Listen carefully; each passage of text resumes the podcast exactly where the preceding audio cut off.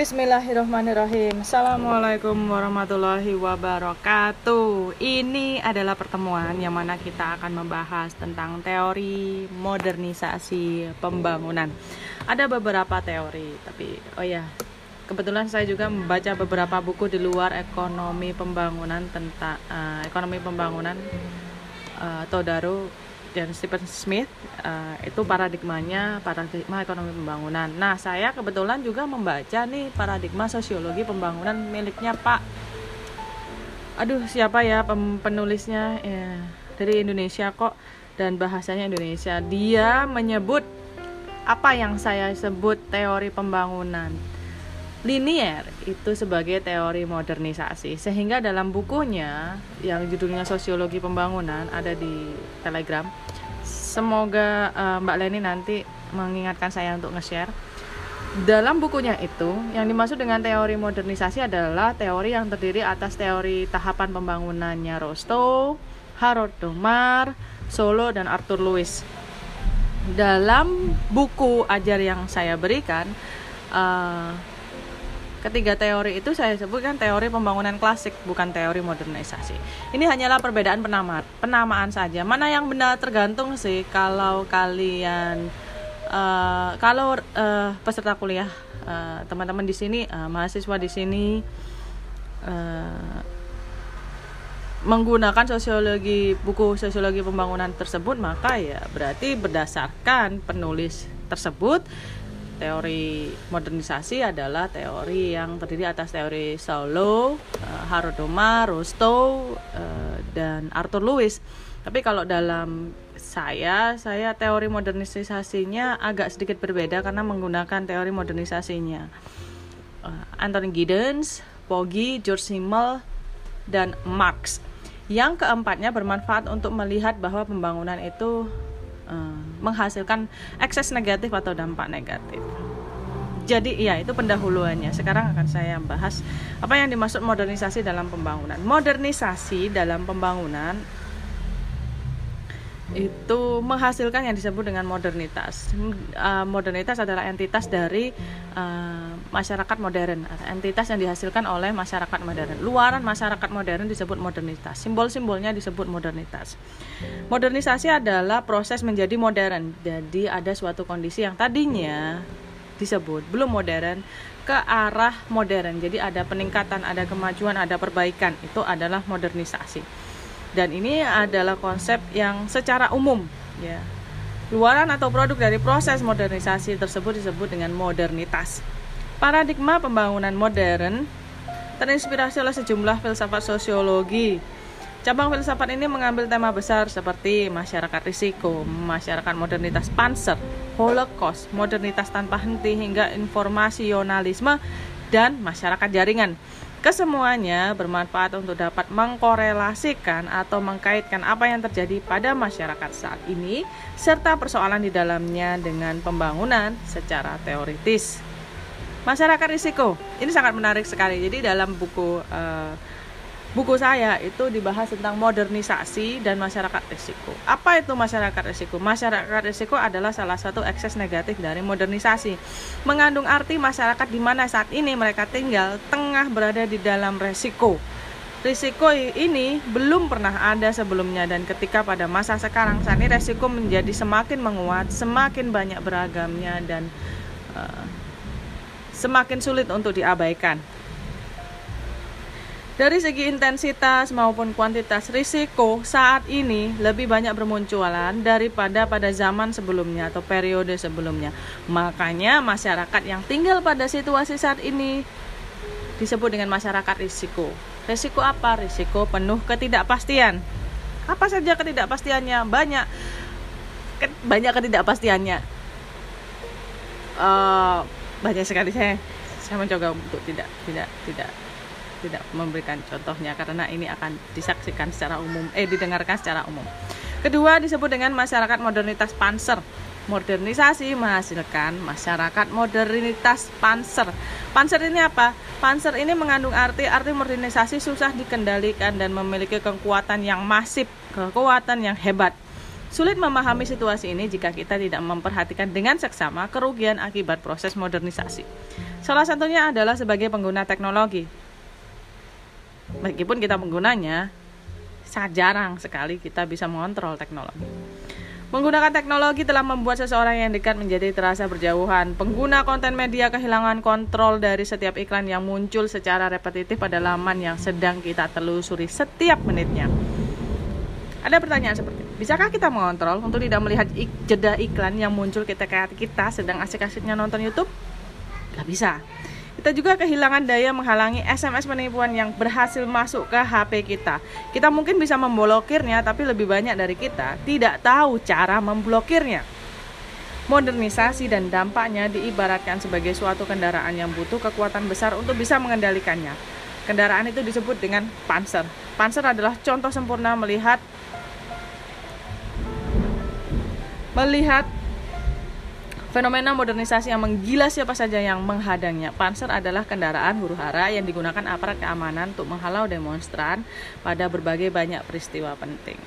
Cara menyetir panzer pun tidak sama dengan nyetir mobil. Mudah menemukan orang yang dapat menyetir mobil daripada menemukan orang yang dapat menyetir panzer kan?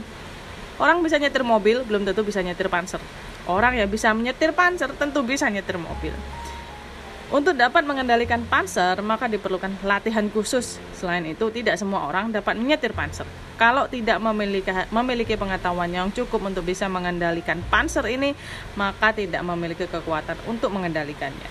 Tanpa pengetahuan dan keterampilan yang cukup, panser bisa lepas kendali. Inilah modernitas, modernitas yang disimbolkan sebagai panser.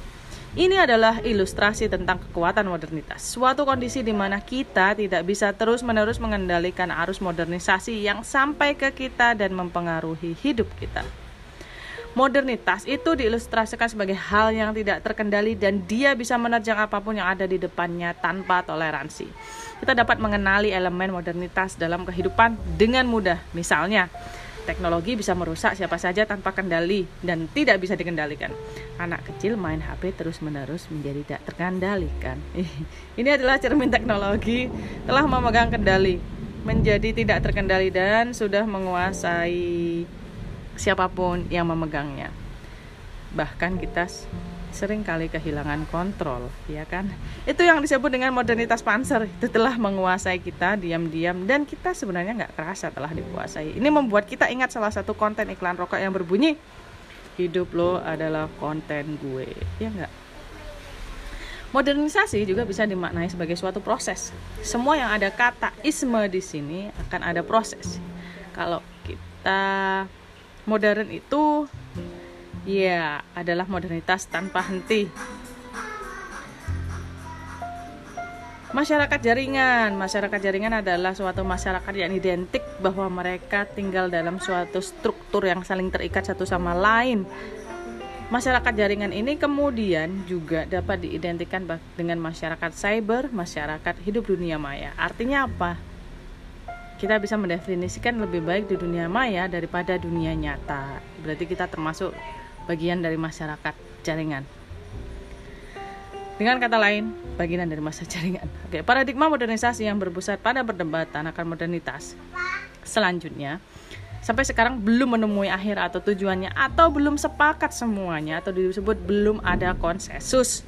Kendati menjadi intisari perdebatan yang cukup sederhana tapi mendalam mengenai apakah masyarakat milenial saat ini tengah berada dalam proses modernisasi atau sudah lepas landas dari modernisasi menuju kehidupan yang lebih modern atau disebut post modern.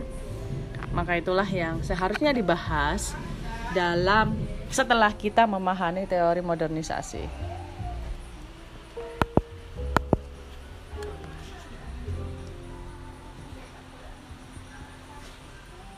Teori modernisasi klasik dalam pembangunan Marx intinya adalah bahwa pembangunan itu dilakukan dalam sistem perekonomian kapitalisme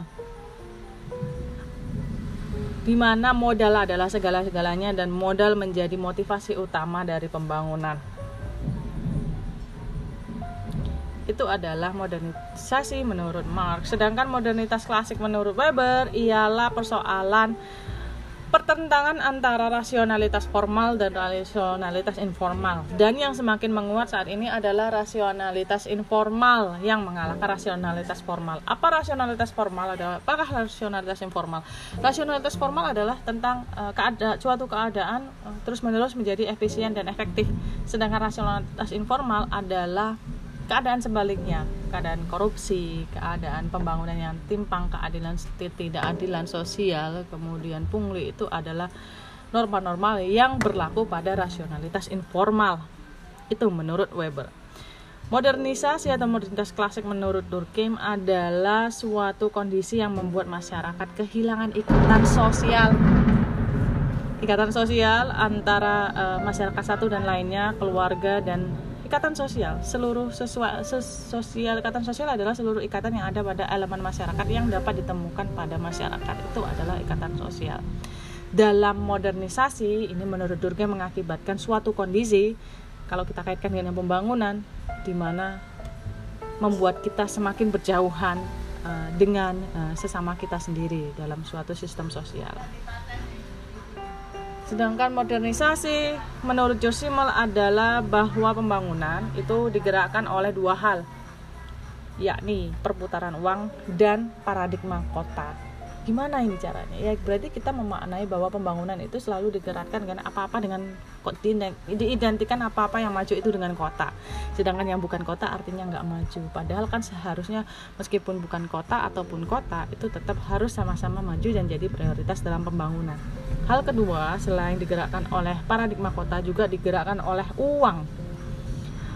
Artinya modernisasi membuat masyarakat eh, memahami kehidupan kota hanyalah seputar perputaran uang dan seluruh kebutuhan tentang uang dan aktivitas manusia pada akhirnya hanyalah digerakkan oleh kepentingan yang terbentuk dari akumulasi dan kontestasi materi. Paradigma modernitas klasik menurut teori pembangunan Pogi ini ah bisa dibaca sendiri ya soal teori pembangunan dalam Juggernaut. Juggernaut itu Panzer tadi sudah dijelaskan. Terus teori pembangunan dengan konsekuensi-konsekuensi modernitas ini juga sudah dijelaskan tadi separuhnya. Ya itu saja tentang teori modernisasi pembangunan. Dari sisi buku yang saya tulis tapi tolong diingat bahwa ada teori modernisasi dari uh, penulis yang nanti bukunya saya ya dari penulis berjudul sosiologi pembangunan bahwa yang termasuk teori modernisasi adalah teori Rostow, teori Sardomar, teori Arthur Lewis sampai teorinya uh, Solo. Itu saja dari saya. Semoga dapat dinikmati dan diputar berulang-ulang. Maaf sekali saya nggak bisa saya menunda pertemuan lewat Zoom karena uh, sedang hujan deras di rumah saya terus sinyalnya juga sedang tidak stabil. Jadi mohon semoga dapat dimaklumi ya. Itu saja dari saya. Terima kasih. Kita akan ketemu lagi dalam pertemuan berikutnya. Wassalamualaikum warahmatullahi wabarakatuh